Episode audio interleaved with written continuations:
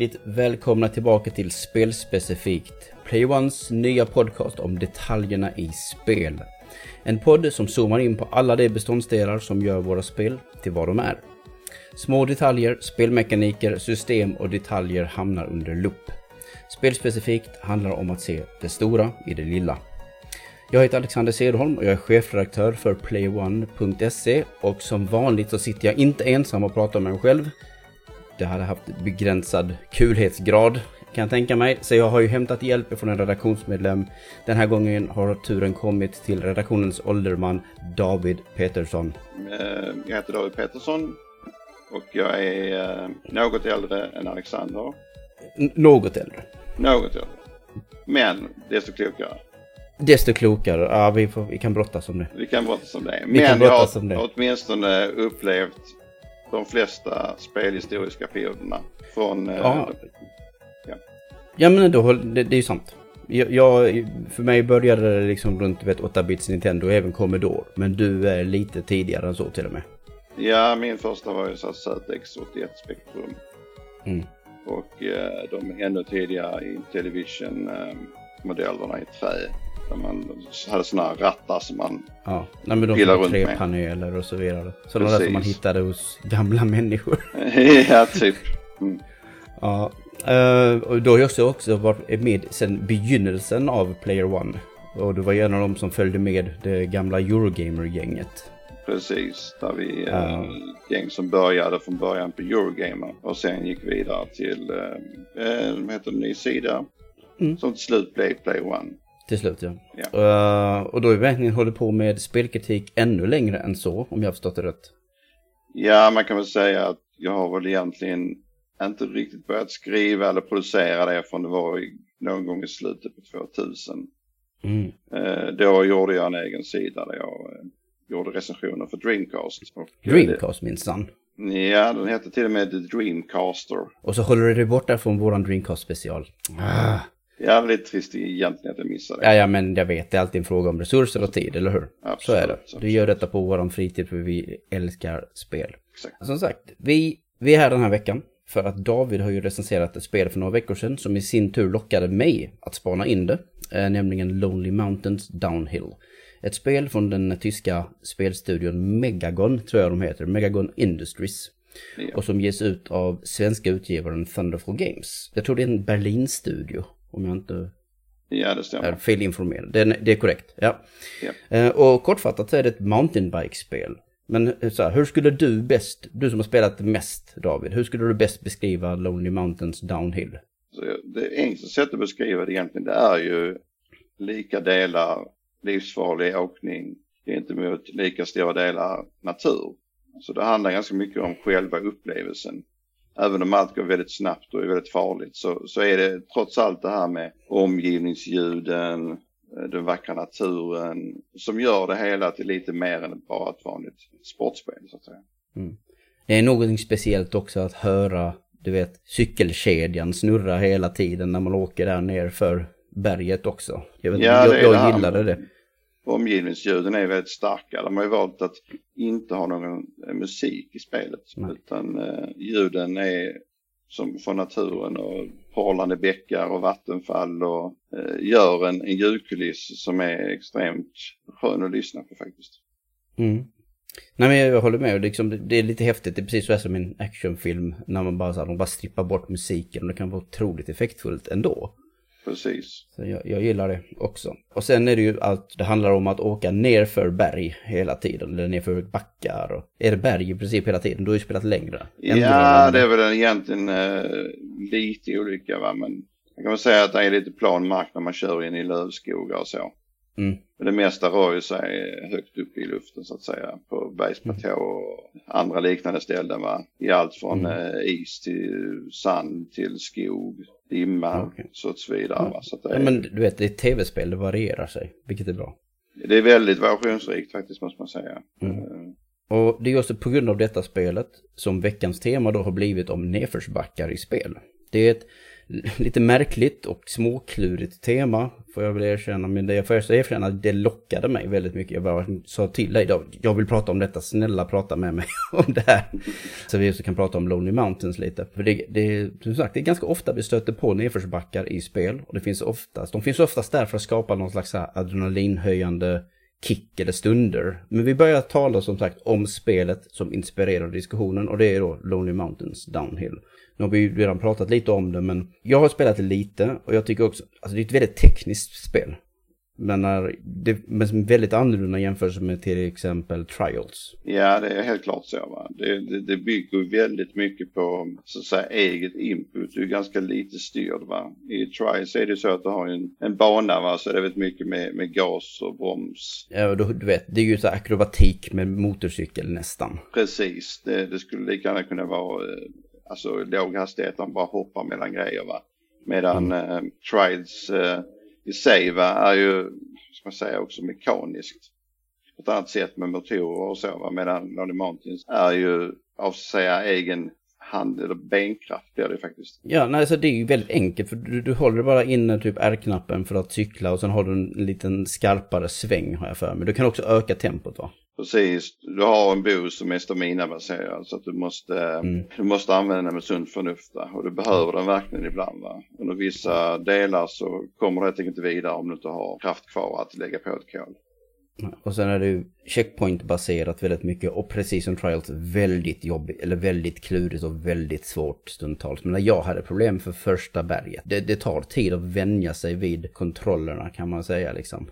Det är ju väldigt så här rock'n'roll racing, RC Pro Am racing style med kontrollen va? Utan tvekan va. Det är ju lätt att man tänker så här man skriver recension, ja men man kanske skulle kalla det Dark Souls of, uh, av mountainbike-spel va? The Dark Souls of mountainbike games. Ja, yeah. okej. Okay. Visst, sätt den på lådan. Den är er Thunderfall. ja, precis. Det är dags att anamma det sättet att ah. tala om spelet. Nej, men skämt åsido. Um, man är väl så, man känner lite grann att man, man känner sig som när man skulle cykla första gången nästan. Man ville helst ha benen nere på marken, båda benen.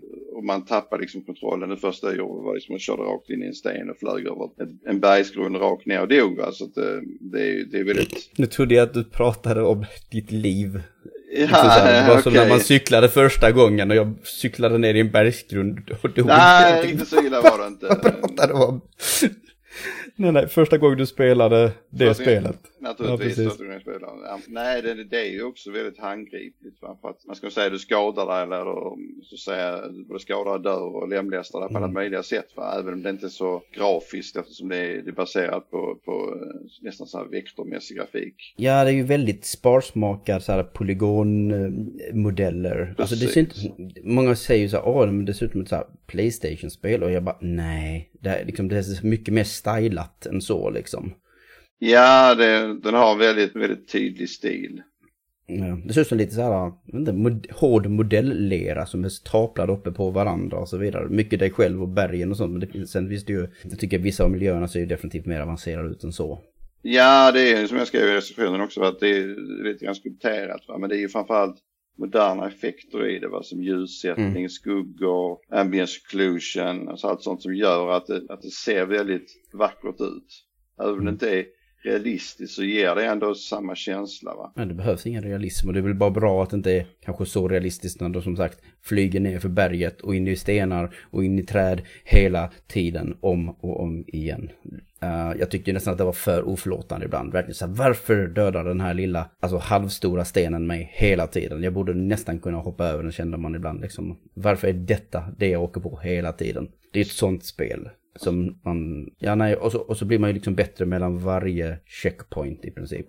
Det var någonting jag gillade med det spelet också. Jag tror jag nämnde det i en kortfattat på sidan. Att, att den bara, när den, när den räknar tid, så räknar den typ bara den färdiga tiden mellan en checkpoint som är lyckad. Precis. Det var ett element jag gillade. Istället för att den bara, jag dog och så, så fortsätter den ticka tills jag har klarat det. Så det kan hålla på i fyra minuter till exempel. Nej. Men i slutändan så blir det bara 20 sekunder. På det sättet är det ju förlåtande även om du får, då, även du får avdrag så att säga för det sedan i tiden. Ja, och så får du så här sekundomstart också som är jätteviktigt i sådana här spel. Till skillnad från i Dark Souls. Ja, på det sättet är det mer förlåtande. Och sen är det ju inte lika... Det är som sagt i stylat blodet så det är betydligt mer familjevänligt. Mm, absolut. Nej, jag, jag, menar också att det är väldigt praktiskt på det sättet att du kan ju spela, räcker att spela 10 minuter va. Och, och, du kan liksom fokusera 100%. Sen kan du göra något annat va. Istället för Dark mm. Souls, mm. det kräver väldigt mycket engagemang och mycket tid. Så. Ja, man kan ta det i munsbitar liksom. Precis. Om man känner för det. Det kan också totalt fastna framför det, vilket jag gjorde. För jag höll ändå på och nötte den där första berget ganska mycket innan jag kände, men nu kan jag det. Och sen nästa gång, du vet när jag gjorde det igen, fast med nya villkor och så här. Då gick det ju sjukt mycket bättre, åtminstone den första halvan av det berget. Två tredjedelar. Helt plötsligt tog jag mig ner för ganska utan större problem. Så man, man märker ju att man växte som spelare i, i det. Det, det, det gäller ju att lära sig när man ska bromsa och när man ska fortsätta va. Mm. Men när man är så pass, när det är så pass svårt i början så blir man lite så här, uh. och sen, men sen när man ser det, liksom som jag säger, när man gör andra åkningen, så är bara, nej fan, jag har lärt mig, jag har växt liksom. Det var inte omöjligt. Nej, där är stor tillfredsställelse i det eftersom du, det är det där är ju liksom inga stödhjul utan när det blir bättre så blir det ju verkligen bättre. Det är du som har presterat det. Det är inte spelet som har blivit snällare. När vi ändå kommer alltså, in på ämnet med nedförsbackar då. För, hur tycker du att det här spelet hanterar just känslan av att åka neråt och åka ner för en backe? För det ska ju tilläggas nu om folk inte har fattat det att det här spelet utspelar sig liksom ur ett slags isometriskt perspektiv oftast. Man, man åker nästan mot skärmen och neråt hela tiden. Precis. De, de, det första, jag har ju följt det här spelet väldigt länge. Och det, ja, det, de... det är ett Kickstarter-projekt va? Precis, det började ju mm. för några år sedan när de fick ihop pengar till det här. Va? Och sen lovades det en mängd olika extra saker och de fick in en ganska bra summa. De lådde några extra mål till och med. Men mm. det första de gjorde var ju den här prototypen som faktiskt fortfarande ligger som spelbar så att säga på mm. deras hemsida. Och där, där tog de fram den här fysiken och känslan. Va? För det är egentligen det som styr hur bra spelet blir i slutändan på många sätt. Uh, och det är framförallt det här perspektivet. Du, du, har ju det här att du ser ju, vad ska man säga, x antal meter framför dig och bakåt hela tiden. Det i sin tur tror jag gör en del av den här fartkänslan. Uh, sen är det också det styrsättet i sig va? och det är svårt att förklara men... men ja men det, det, är, nu, nu, det är ju kanske fel att använda sig av ett gammalt spel som ett exempel som jag säger för att det, det är ju kanske svårt för vissa att relatera. Men just RC Pro Racing klassiska rock'n'roll racing. Många isometriska racingspel överhuvudtaget från liksom 16-bits-eran och så vidare hade ju de här kontrollmetoderna. Och detta känns ju som att spela rock'n'roll racing men där de hela tiden vill pusha dig neråt. Ja, det är lite grann av det och samtidigt som det är då så en uppgradering på det sättet med tanke på all fysik som är mm, involverad i hela. Men eh, visst, absolut, den, den, har ju, det är ju 3D-spel men på ett sätt så är det ju också lite samma den här mer 2D-aktiga känslan på ett sätt eftersom du hela tiden ser det från ett perspektiv mer eller mindre. Mm. Som det kommer nu ganska låst som sagt. Precis. Ja, för till skillnad från eh, en annan eh, mountainbike-kollega så är Descenders så är ju det här liksom sagt, att ha det här perspektivet vi har talat om. Medan Descenders är ett mountainbikespel som är mera bakifrån perspektiv, eller till och med första persons perspektiv. Precis, det är mer klassiskt. Ja, har en väldigt hög hastighetskänsla i det spelet, väldigt, väldigt hög. Men jag tycker egentligen att uh, Lonely Mountain gör det ju jäkligt bra också trots sitt perspektiv. Det får en väldigt kraftig swoosh-känsla liksom. Ja, alltså rent så, jag, jag kan ju säga att för många år sedan när jag var yngre så, så åkte jag väldigt mycket mountainbiken. Mm. Riktigt mm. i skogen och på vägar och ja, berg och berg ska man inte kalla det, det är ändå Skåne va. Men, men, äh, kraftiga nedförsbackar och mycket småsten och grejer va. Och jag kan ju säga att Lonely Mountains spikar den här känslan betydligt bättre än Descenders gör. Som jag tycker känns... Du har spelat Descenders också? Ja, jag har det också naturligtvis. Ah, coolt. ja, ja. Nej men det känns lite mer som ett racingspel? Det känns mer som ett racingspel och de, de eh, men, men, men samtidigt har du det här, du har inte den riktigt känslan av kontroll när du lär dig utan det är fortfarande, det är med en disconnect mellan mig och, och, den, och föraren på bilden än jag känner i Lonely Mountains. Mm. Plus att biken beter sig väldigt annorlunda du har ju det här att den slirar och sånt i Lonely Mountains. Ja, och det, det är coolt, jag gillar det. Och det gör slirar. enormt mycket känslan för sig, det är verkligen, det har ju absolut inte grepp hela tiden när du kör. Inte ens den Nej, den som är Descenders är lite mer klistrad. Det, det handlar inte om att du misslyckas. Du misslyckas genom att antingen att du inte lyckas med tricket eller någonting så du bara landar på arslet. Eller så kör du rätt in i en vägg för att det går så jäkla snabbt. Det handlar inte om att baksidan nästan slirar iväg ifrån dig. Precis, och det, där försvinner tycker jag för mig en del av den här känslan. Va? Mm. Eh, det är precis som i bilspel och så också. Att det är jättestor skillnad. Det är svårt att definiera ibland exakt vad det är men, men för mig handlar det alltid om att hur nära jag känner mig det fordon jag står på bilden. När tror du att du kände av nedförsbackekänsla i ett spel för första gången? Eller typ ett exempel när du upplevde att det gjorde skillnad på spelkänslan första gången. Man säger så här lite, lite äldre spel och så, så visst kan man säga att... Det blir ju automatiskt äldre som att det ska vara bland de första upplevelserna. Ja, Men vi kanske inte är i 8-16-bits dagarna. Vi kan ta det också senare. Precis, utan nej jag skulle säga egentligen att första gången jag fick den här 100% känslan av det här eh, det var ju faktiskt när jag lirade uh, Tries, den första varianten. Och det var Oj, faktiskt ganska länge sedan den släpptes som ett flashspel från början. Och så det är rent av ett 2D-spel? Det är det från början, absolut. Mm. Eh, och de första modellerna var ju det. Va? Men när de släppte den här flashvarianten så blev den enormt populär på sådana här portaler. När man kunde spela den i flash. Mm. Eh, och sen då när de äntligen gjorde det på riktigt, så säga som ett eget program. Så den känslan man fick där i de backarna och kontrollkänslan var helt magisk. Själv så är jag mycket längre in i framtiden tror jag. Fast fortfarande i dåtiden såklart. Jag har suttit och funderat på så 8 och 16 bit spel och så vidare. Mm. Men de gjorde nog inte en så här jättestarkt intryck. Men en av de starkaste intrycken tror jag, och som jag verkligen erkände, det var på grund av att jag fick en kontrastskillnad eller jag kunde jämföra två spel. Och det är egentligen Mario Kart. Mario Kart 64 införde ju såklart 3D och hade backar och skupp, alltså gupp och grejer. Precis. Och det minns jag att jag så upplevde som väldigt att det här är någonting väldigt annorlunda i jämförelse med hur det kändes när jag spelade Mario Kart på Super Nintendo. Att jag märkte i Warrior Stadium till exempel, du vet, väldigt guppigt, mm. väldigt vackert. Tydlig användning av höjdskillnader och så vidare. På ett sätt som jag inte riktigt upplevde heller i till exempel Ridge Racer eller så Extreme Sports med skateboard på Playstation om du känner till det. Ja, nej, absolut. För det, var, det, är mer så en plan yta. Visst åkte man nog ner och upp lite. Men jag kände inte av skumpandet på det sättet. Och det gjorde så att jag kände att nu, det här är annorlunda. Jag har kanske säkert haft några andra känslor tidigare. Men den, den där sitter, känner jag. Ja, men det är just den här, igen, den här känslan som gäller för Tilva. Mm. Eh, som, som gäller alla typer av spel nästan. Och som, som, som skiljer ofta de bra spelen med de dåliga spelen. Va? Mm. Och det vet jag ju som, som fan av Nintendo så, så lägger de enormt mycket eh, tid och känsla just på att det ska kännas rätt allting va. Ja men du vet en av de stora skälen till att Mario 64 är ett av de första 3D-spelen som känns rätt är ju för att de satte så mycket fokus på just att kontroll, eller framförallt fysiken i Mario och så vidare, skulle känna att den hade ordentlig kontakt med resten av världen och så vidare. Ja, för man bortser från just backar i alla fall så fick ju just det, det första Mario 64, där var ju en helt makalös, alltså jag bara totalt, jag köpte den för det alltså. Ja, och så får vi inte glömma eh, rutschkanan i det spelet. Nej, det är sant. Den är ju faktiskt ganska rolig och var nedförsbacke. Precis. Äh, av ett slag. Ja, och där är precis så de här, när man åker i isberget och sånt också. Ja, just det. Hela berget är, är, ju liksom typ en backe gjort, ibland. Med den här pingvinen som har blivit en, mm. en meme nu till och med. Ja, ja. Och sen så, vi tittar tillbaks på 8 och 16-bitsdagarna så skulle jag också säga att Lonely Mountains påminner mig väldigt, väldigt, väldigt mycket om Downhill Race och Jam i Skate or Die. Ja, Skate or Die, det är fantastiskt spel.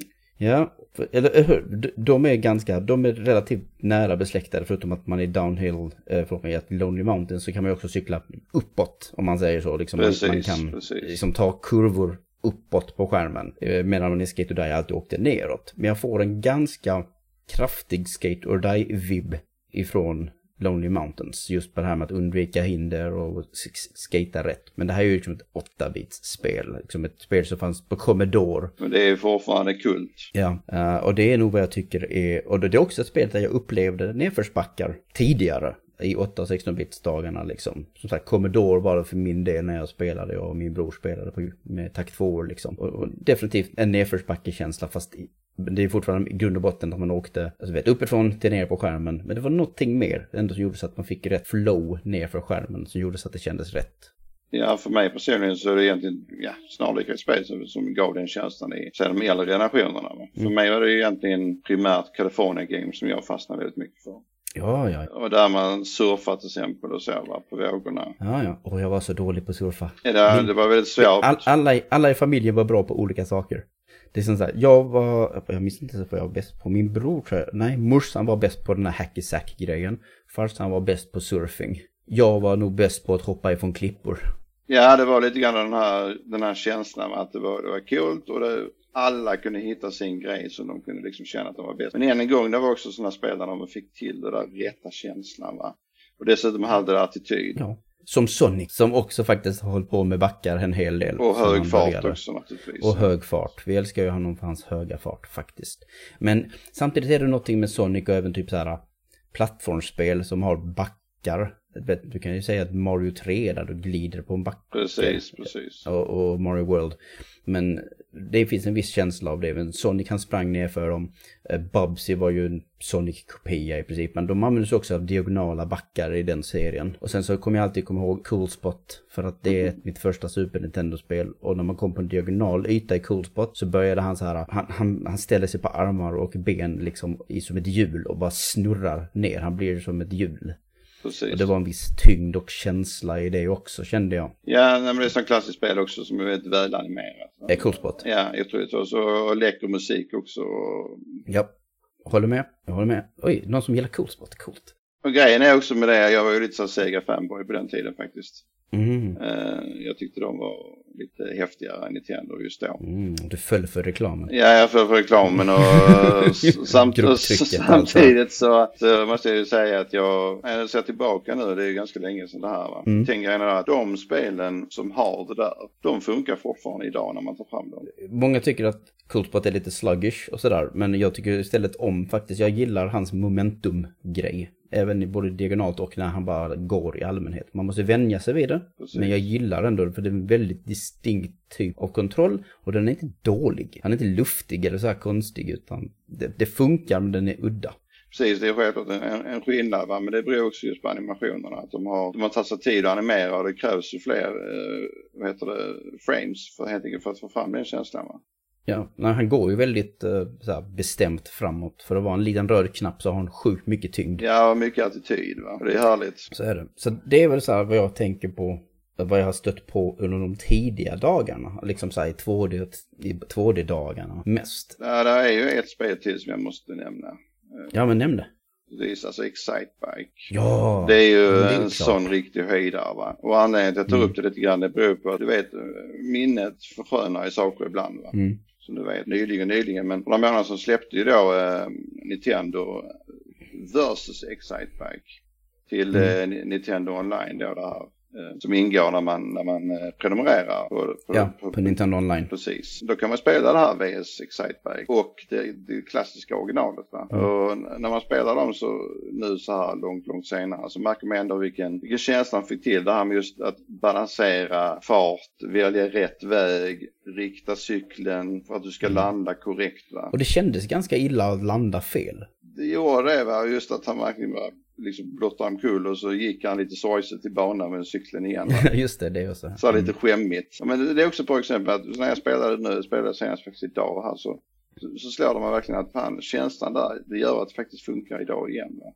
Fortfarande va, trots sin ålder. Mm. Sen är det, det är ju väldigt besläktat med Trials kan man säga. Just för att det är ett 2D motorcykelspel. Ja, jag vet också av hävd att de har inspirerats av det, absolut. Det här Ja, det är tveklöst liksom. Det här finns- och, och man kan inte göra Excitebike idag, alltså på det sättet som det gjordes på det klassiska viset, utan att det skulle se ut som Trials i princip.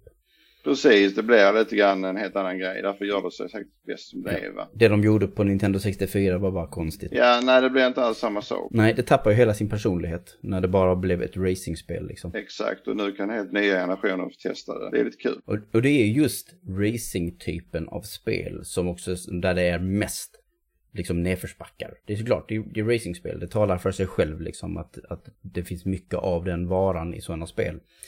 Så jag tänkte att vi kanske ska se om vi kan belysa exempel där, där vi helt enkelt upplevt att, och här var det extra mycket sug i magen-känslan och så vidare. Här gjorde de backar och nedförsbackar och framförallt bäst och bra. Har du några exempel på det David? Så en av mina gamla favoriter från, eh, vad blir det, någon gång på 90-talet är egentligen Richard Burns Rally. Ja, ja, okej. Som hade fantastiska banor då. Det var speciellt de i Australien jag tänker på där. Var helt makalösa backar som man väldigt lätt kunde flyga och krascha spektakulärt i. Vilket, eh, vilket år kommer detta ifrån? ungefär? Det borde vara 1994 faktiskt. Okej, det är relativt tidigt 3D-spel ändå. Ja, men det roliga är att trots det så räknas det av väldigt många simulatorfans Mm. som the gold standard fortfarande. Okej. Det var ju gamla fina Warthog som gjorde det, va? ett Mm. svenskt företag. Som eh, lyckades naila den här fysiken och känslan i att köra rallybil. Helt makalöst bra. Och där fick jag extremt många sådana häftiga upplevelser när man flög över stup och just det här att du, du känner verkligen, nu körde jag de här med ratt och så också, pedaler och allt möjligt va. Så du känner verkligen att du släpper fästet helt och du, du liksom kan inte riktigt styra bilen längre va. Och sen plötsligt pang så, så får du lite fäste och så bara slirar du till och så fortsätter du va. Mm. Jo men det precis och det, ja, jag har ju fått den känslan men det är ju inte riktigt ifrån nedförsbackar men jag kan nämna det i alla fall. Eh, på den typ andra banan i F-Zero X så kan man köra så snabbt att man tappar greppet om marken. Typ om man kör 1800 km i timmen. Så till slut så bara minsta lilla sväng och då bara flyger det ut i, ja, i ingenstans i princip. Och, så det där med att tappa greppet från marken bara genom hög hastighet var ju också en grej. Annars är det ju nedförsbacken, klassisk nedförsbacke San Francisco i Crazy Taxi för mig. Att bara flyga ner för de eh, eh, gatorna är en väldigt häftig känsla. Kan tycka mig kanske att Crazy Taxi, att taxin är lite tung. Lite för tung och limmad i marken. Men just när man slänger sig ut över de här branta backarna och branta gatorna. Då, då, då är Crazy Taxi väldigt, väldigt bra. Ja, och speciellt den här känslan av när man kör runt med sina kunder va, och de skriker och, och vissa tycker det är jätteroligt och vissa blir helt galna och liksom vill av direkt. Ja. Och, Ja, det är bara om du bankar in i saker, för alla ingen har direkt problem med om du bara hoppar med dem. Det tycker de är skithäftigt. Men slår du in i en spårvagn, då är det fy på dig. Ungefär, då vill de av. det är väl så här typexempel på sådana här arkadspel verkligen. Men, men som ändå har en liksom känsla i sig. Absolut. Jag har ju också eh, ett spel som jag har spelat sjukligt mycket. Det är Mario Kart, är återigen. Mario Kart Double Dash. Eh, och det har en av de bästa banorna i serien enligt mig. Jag älskar Donkey Kong Mountain, DK Mountain. Och det beror på nedförsbacken i det spelet. Ja, det är väldigt häftiga miljöer och sen, sen så personligen gillar jag också att man kunde spela i team där liksom. Ja, ja. ja men det spelet är kul och jag, många gillar inte känslan när man så här, bara allmänt hur man svängde och sånt. Och jag tyckte den var jättebra. Den var verkligen skön, slirig känsla och så vidare. Men just nedförsbacken efter att man åkt upp för den, skjutits iväg i kanonen och sen kommer ut på det här öppna grå. För du vet, det öppnar upp sig väldigt mycket. Och så Ja. bara skumpar man ner för en stenig terräng. Och jag älskar den biten av det spelet. Det är så sjukt tillfredsställande att bara skumpa ner. Sen är det mindre kul att göra de här snäva svängarna längs vallarna på slutet. Ja, det är alltid den biten som är, vad ska man säga, inte svagheten i Mario Kart. Men, men det, det gör ju så bäst när man får lite yta att slida på och sånt. Ja. Ja men alltså det är, man tar ju den liksom, man tar det när man har lärt sig det. Det är inte så att det är svårt kanske, men det är fortfarande, det är inte lika tillfredsställande som när man bara far ner för backen efter berget liksom. Nej, det, det blir ju så. Det är lite grann samma känsla som, man, som det är idag, den nya Mario där man kan köra, lägga på sådana här, så här hinder som man inte kan åka ner. Ja, ja, ja, ja. ja. Tänk om sen på, Rainbow Road till exempel. Mm. Som också är fullt av krokar och lite så här slingriga backar. Just Det är det. mer som en bilbana men, Ja, ja men absolut. men, men där eh, stänger man av de här sidoskydden där så blir det ett helt annat spel va. Absolut. Kan man stänga Och av det- sidoskydd? Eller ja, just det, det är lite olika. För du vet, klassiska Mario Kart på Super Nintendo, det var ju så här inga skydd. Jag såg ju, Precis. flickvännen spelar ju Mario Kart på, på mobil. Uh, World Tour heter det va? Ja, just det. Och där har de rakt av sagt upp osynliga väggar på Rainbow Road. Precis, Och det är det, finns ju det, det finns ju också nu, alltså på den senaste Mario 8, va? Mm. På, på, eh, så för barn och så va. Ah, Som ja, också okej. spelar med lillgrabben så vill han ha det för att han, Han vill eh, inte han åka ut. ska inte, nej han vill inte göra det och det är just Rainbow Road, de här är ganska tuffa då om man, om man kan köra ut Ja. Så då, då tänker man hur mycket stor skillnad det gör när det finns någonting man kan förlora på någonting. Mm. Ja, sen även eh, Mount Wario i Mario Kart 8 och Deluxe tycker jag är en rolig bana just för att den är en nedförsbacke. Det är en ganska brant incline liksom. Ja, och det är just det jag menar, den här minecart-känslan också, att man, man är liksom i berg och sånt där. Det är Ja. ganska häftigt. Till exempel mer nutida som också en remake är ju Crash Bandicoot Rally. Ja, ja. Eh, som har också eh, jäkligt skön känsla och backar och så. Okej. Hade den det Eh, redan på Playstation eller? Om du spelade det? Eller har de gjort det bättre? Det, det fanns en place absolut, eh, men, men det blir ännu bättre nu. Mm. Grafiken är helt enkelt så mycket tydligare. Mm. Och jag skulle väl säga att känslan är bättre också faktiskt. Spelade du eh, 1080 snowboarding eller SSX? Så jag kan säga så att jag gillar ju verkligen Nintendo och så va. Men jag, jag var faktiskt på den tiden var jag mer lockad av SSX. Mm. Speciellt de tidigare modellerna där jag, jag tyckte liksom det var, allting var så coolt. Mm.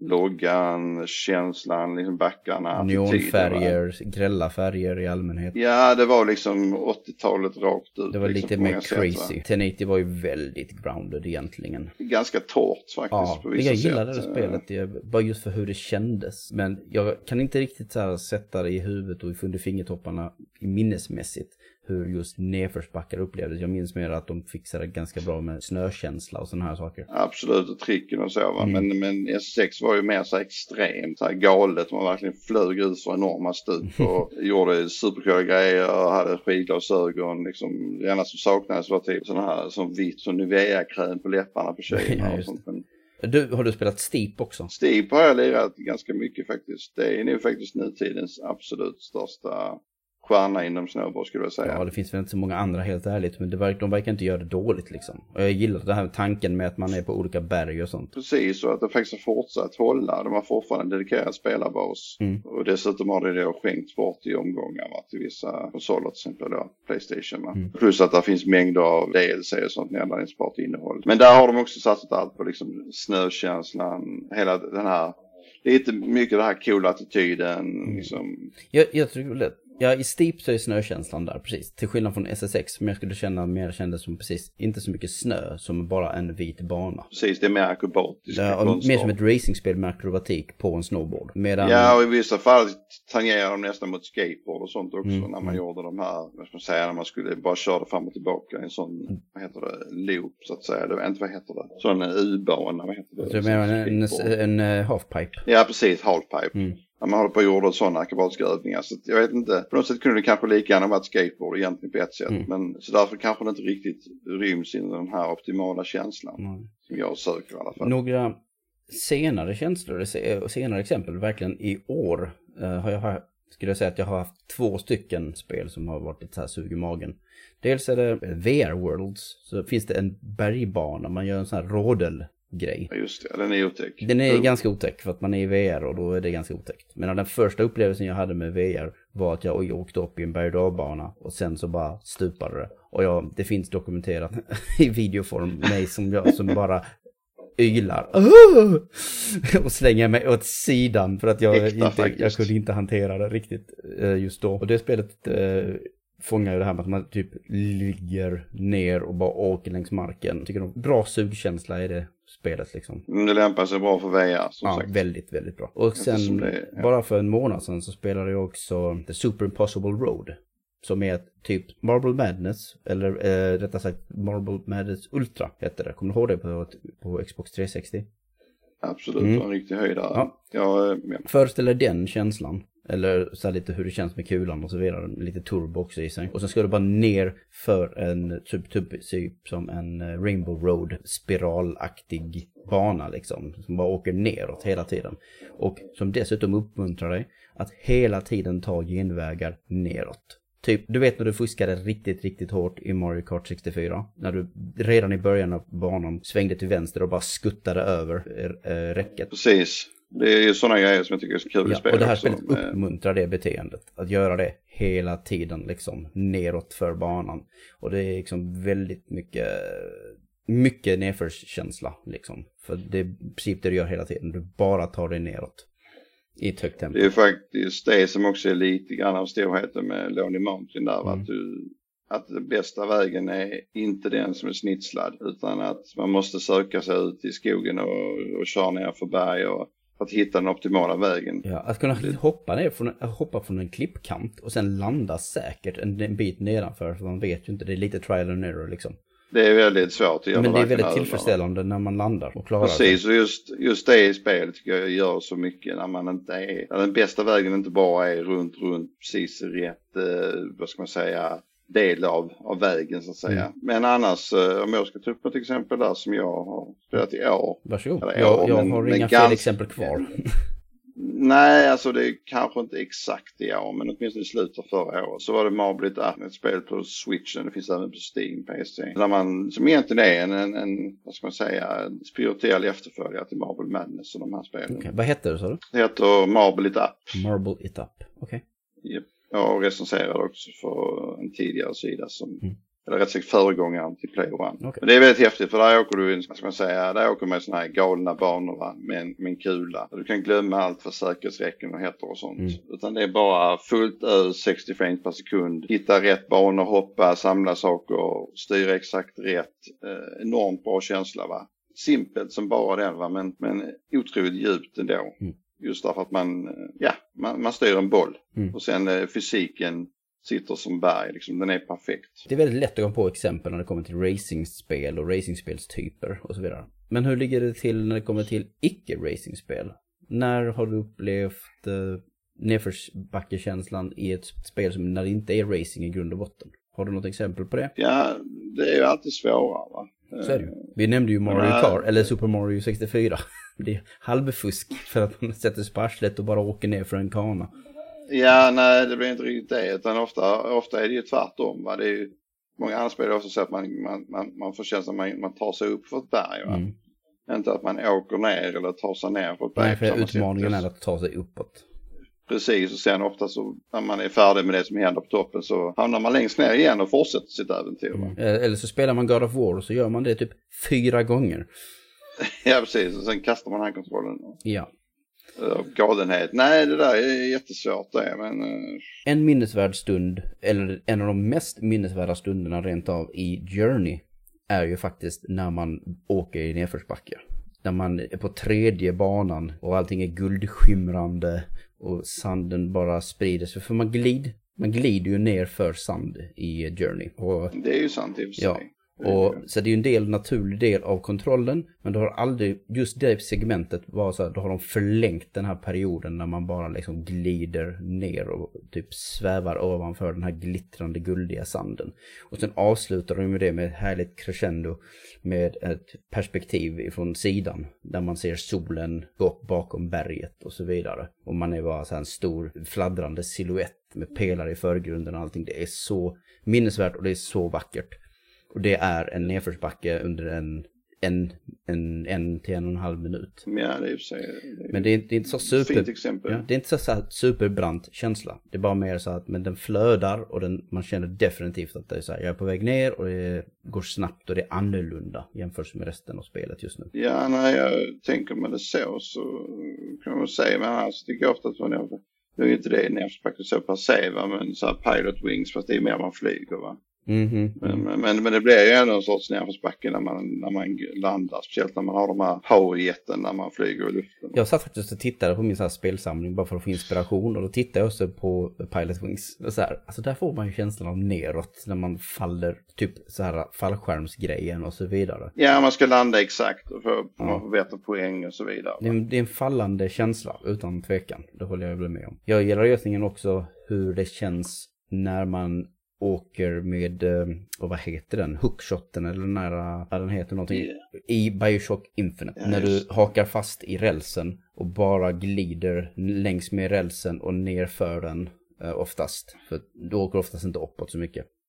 Och då är det en jäkligt bra tyngdkänsla och att man liksom bara, för man, vapnet man har liksom hakar sig fast i järnrälsar som man och då håller, som man åker under basically. För de som inte vet. Och det är en ganska skön känsla av nerförs, liksom så här nerför momentum. Ja, du rätt i va. Det får man också tänka lite grann. Vi får säga att Sonic Forces Oj, ja. är ju faktiskt väldigt mycket ett sådant spel. Mm. Alltså Sonic är ju ett racingspel på, i plattformsform, om man säger så. Ja, på ett sätt. Men, men det som skiljer Sonic Forces med de andra är att det är ju, ska man säga, det är, det är lite mer linjärt men samtidigt så är det, ska man säga, en väldigt skön känsla i det. Mm. Där du har liksom mer kontroll, du, du slåss samtidigt som du hoppar och skjuter. Va? Det, är, det är inte som de gamla spelen där det är mer jump and run. Mm. Utan eh, Sonic Forces har ju det här att du ska springa sjukt snabbt och sen ska du skjuta samtidigt på olika saker som flyger omkring bossar och så va. Mm. Eh, och där är ju väldigt mycket backar och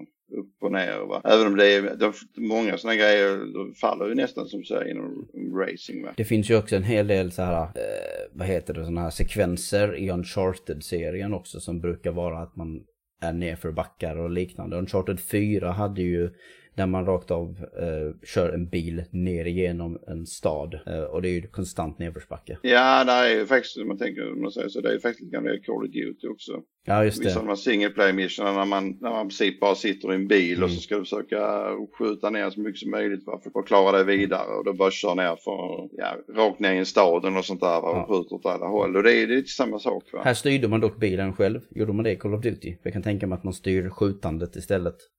Det är mer man skjuter Ja. självstyrt men känslan är fortfarande där så att Ja, säga. och då är vi ändå tillbaks i en bil. Så jag tror att det, det, är, det är lite knepigt att hitta det där med den här nedförskänslan när man inte är i, en, i ett fordon. Det är ju ganska naturligt kanske. För att människan är inte riktigt gjord för att åka ner för en backe Nej, utan att där, dö. där är väl inget riktigt så här, så när man, där man skulle säga, på något sätt blir man ju en sorts, någonting, något, något fordon i nästan alla spel, även om Ja. du säger inte är det. Nej, precis. Men för att avsluta den här diskussionen egentligen idag. Vad, vad tycker du, vad krävs för att en nedförsbacke ska kännas rätt? Så för mig är det mycket de detaljerna. Eller det, att du det ska så- känna dig rätt i en nedförsbacke? Precis, det är ju den här känslan av att du, du faktiskt halvt nästan trillar ner för någonting. Att, Mm. att, att du har en sorts downforce, att du verkligen inte bara kan stanna så här. Det är nästan som du ska ragdolla ner för en backe. I princip, va, det är ju det att om du kan, om du kan bara springa ner för backen och stanna var som helst. Mm. Då är det egentligen bara en, då är det ingen backe egentligen som man känner utan egentligen är det bara en väg där du klistrar fast. Det är ganska Spindelmannen skulle springa ner för en backe. Nej men du, du, jag Eh. spelar ju Death Stranding just nu. Och där måste man när man tar riktigt djup, alltså en riktigt brant backe. Då måste man ju ta spjäl. För det finns ingenting mer obehagligt. Jag minns när jag var på Ven som ung. Och jag, Mm. gick, jag var dum och gick ner för en väldigt brant backe och kunde inte stanna. Så jag var tvungen att springa du vet. För att annars så, om jag tar spjäl, då flyger jag. Och till slut gjorde jag det. Och bara flög ner för backen och rullade in i typ staketet nedanför. Det var en ganska hard tumble. Eh, Men just den känslan finns även i Death Stranding. Just att man med två knappar igen tar spjäl för att inte tippa över och bara fullständigt ramla ner för backen. Ja, det är faktiskt lite häftigt för det är faktiskt extremt underutnyttjat. Ja, för den, den känslan är otäck för dig som människa. Att, vet, att springa eller komma ner för en brant och veta att om jag, gör, om jag hanterar det här, om jag lägger om vikten på fel sätt så kommer jag falla.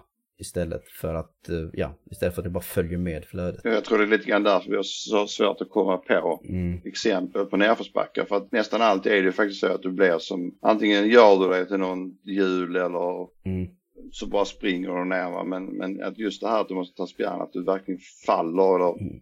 Neråt eller måste springa efter, det är där lite grann grejen ligger va. Mm. Det är lite häftigt att de har tagit, Mm. Det är ju en fysikgrej liksom. Det är ju en annan form av fysik. Att de gör på det sättet. precis men det är det som, det gör ju säkert garanterat också att verkligen att du känner att du, att du är nerförsbacke på ett helt annat sätt än om du hade bara kunnat gått Nej men precis, det känns väldigt annorlunda att gå ner för en brant backe i det här spelet. Det är inte säkert. Och sen är det också den här känslan av acceleration som Mm. sker, sakta men säkert. Va? Precis, momentum. Precis, och det är som du ofta inte heller kanske känner i ett fordon på samma sätt. Eh, om du kör till exempel en bil rakt ner så kommer ju bilen i princip kännas ändå som du håller ja, samma En hastighet. stadig men hög hastighet. Precis, men när du springer så känner du plötsligt att du får mer och mer momentum. Att, och, och sen får du den här obehagliga känslan att du inte kan stanna. Jag blev precis påmind av, eh, jag har spelat The Valley detta året också. Det är bokstavligt talat ett spel där du springer. Du springer, det är ett first person spel där du springer och har en slags exoskeleton. Så att du, och kan hoppa jättelångt. Det är så sjukt tillfredsställande gameplay eh, i det spelet. Det är som en typ walking sim men jättemycket så här eh, input från dig själv när det kommer till att röra sig. Mm, det låter intressant. Ja, det är väldigt coolt faktiskt. Och det, det går väldigt snabbt ibland och ibland så mixar de det med bra musik också när man är riktigt höga farter och så vidare. Och då har du det här med att man är inte skitsnabb i början, men det kommer. The Valleys, det kom 2016. Jag råkade, jag kände till det hela tiden, men jag har inte haft tid att spela det. Eller kommit ihåg att spela det förrän i år. Det är faktiskt ett spel som jag helt har missat. Ja, så det, är bara så här, kul. 4-5 timmar långt. Väldigt enkelt. Liksom inte svårt, men väldigt häftig upplevelse. Coolt. Mm. Och så, precis, så hastighet gör ju sitt sak. Skuttande som jag sa innan, liksom det här att någonting skumpar fram. Tycker jag är jättehärligt. Just när du ser, du, som du snackar om, när rallybilen flyger över en kant till exempel och tappar greppet om marken. Man vill att bilar ska lyfta liksom och, och vara tunga samtidigt. Precis, men det är lite grann där också att det krävs ganska mycket för mm. att den här känslan ska, ska infinna sig. Så är det. Motion blur hjälper också till. Bara för att skapa illusionen. Exakt, och just att det här att uh, begränsat synfält och sånt där också som uppstår. Det blir lite automatiskt i vissa spel. Ja, men beror på hur man lägger kameran. Om den går långt ut i hörnet, i kanten och så vidare. Beroende på när Burnout jobbade ganska mycket med, med kameran för att få fartkänsla. Precis. Men, man, ja, man kan, ja. Ja. ja, man kan säga på många sätt om man ska liksom dra någon slutsats av det vi har pratat om så är det ju faktiskt att, att där är någonting i det här. Att, att det är väldigt få spel som faktiskt klarar att utnyttja den här känslan av en backe och en människa. Mm. På ett bra sätt va. Där kanske finns någon eh, outnyttjad potential för ett spel. Kanske det. Lite mer, lite mer tyngd, lite mer fysik, lite mer mänsklighet eller varelse. Precis, kanske se ett sånt här typ riktigt sånt ragdog-spel där man ska ta sig ner för, för, för ett berg. Jag känner att det, jag känner att det finns, det. men jag kan inte komma på vad det skulle vara någonting. Rock of Ages nej, eller någonting. Men du vet, då är det en sten. Ja, nej, jag tror faktiskt att vi är i någonting på spåret ja, man, vill, man vill ha den där känslan, typ som när man åker ner för en pro-racer-bana på Tossililla Sommarland.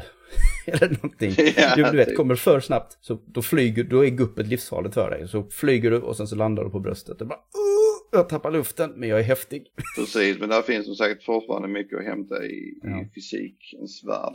Ja, utan tvekan. Har vi nått ner till backens slut?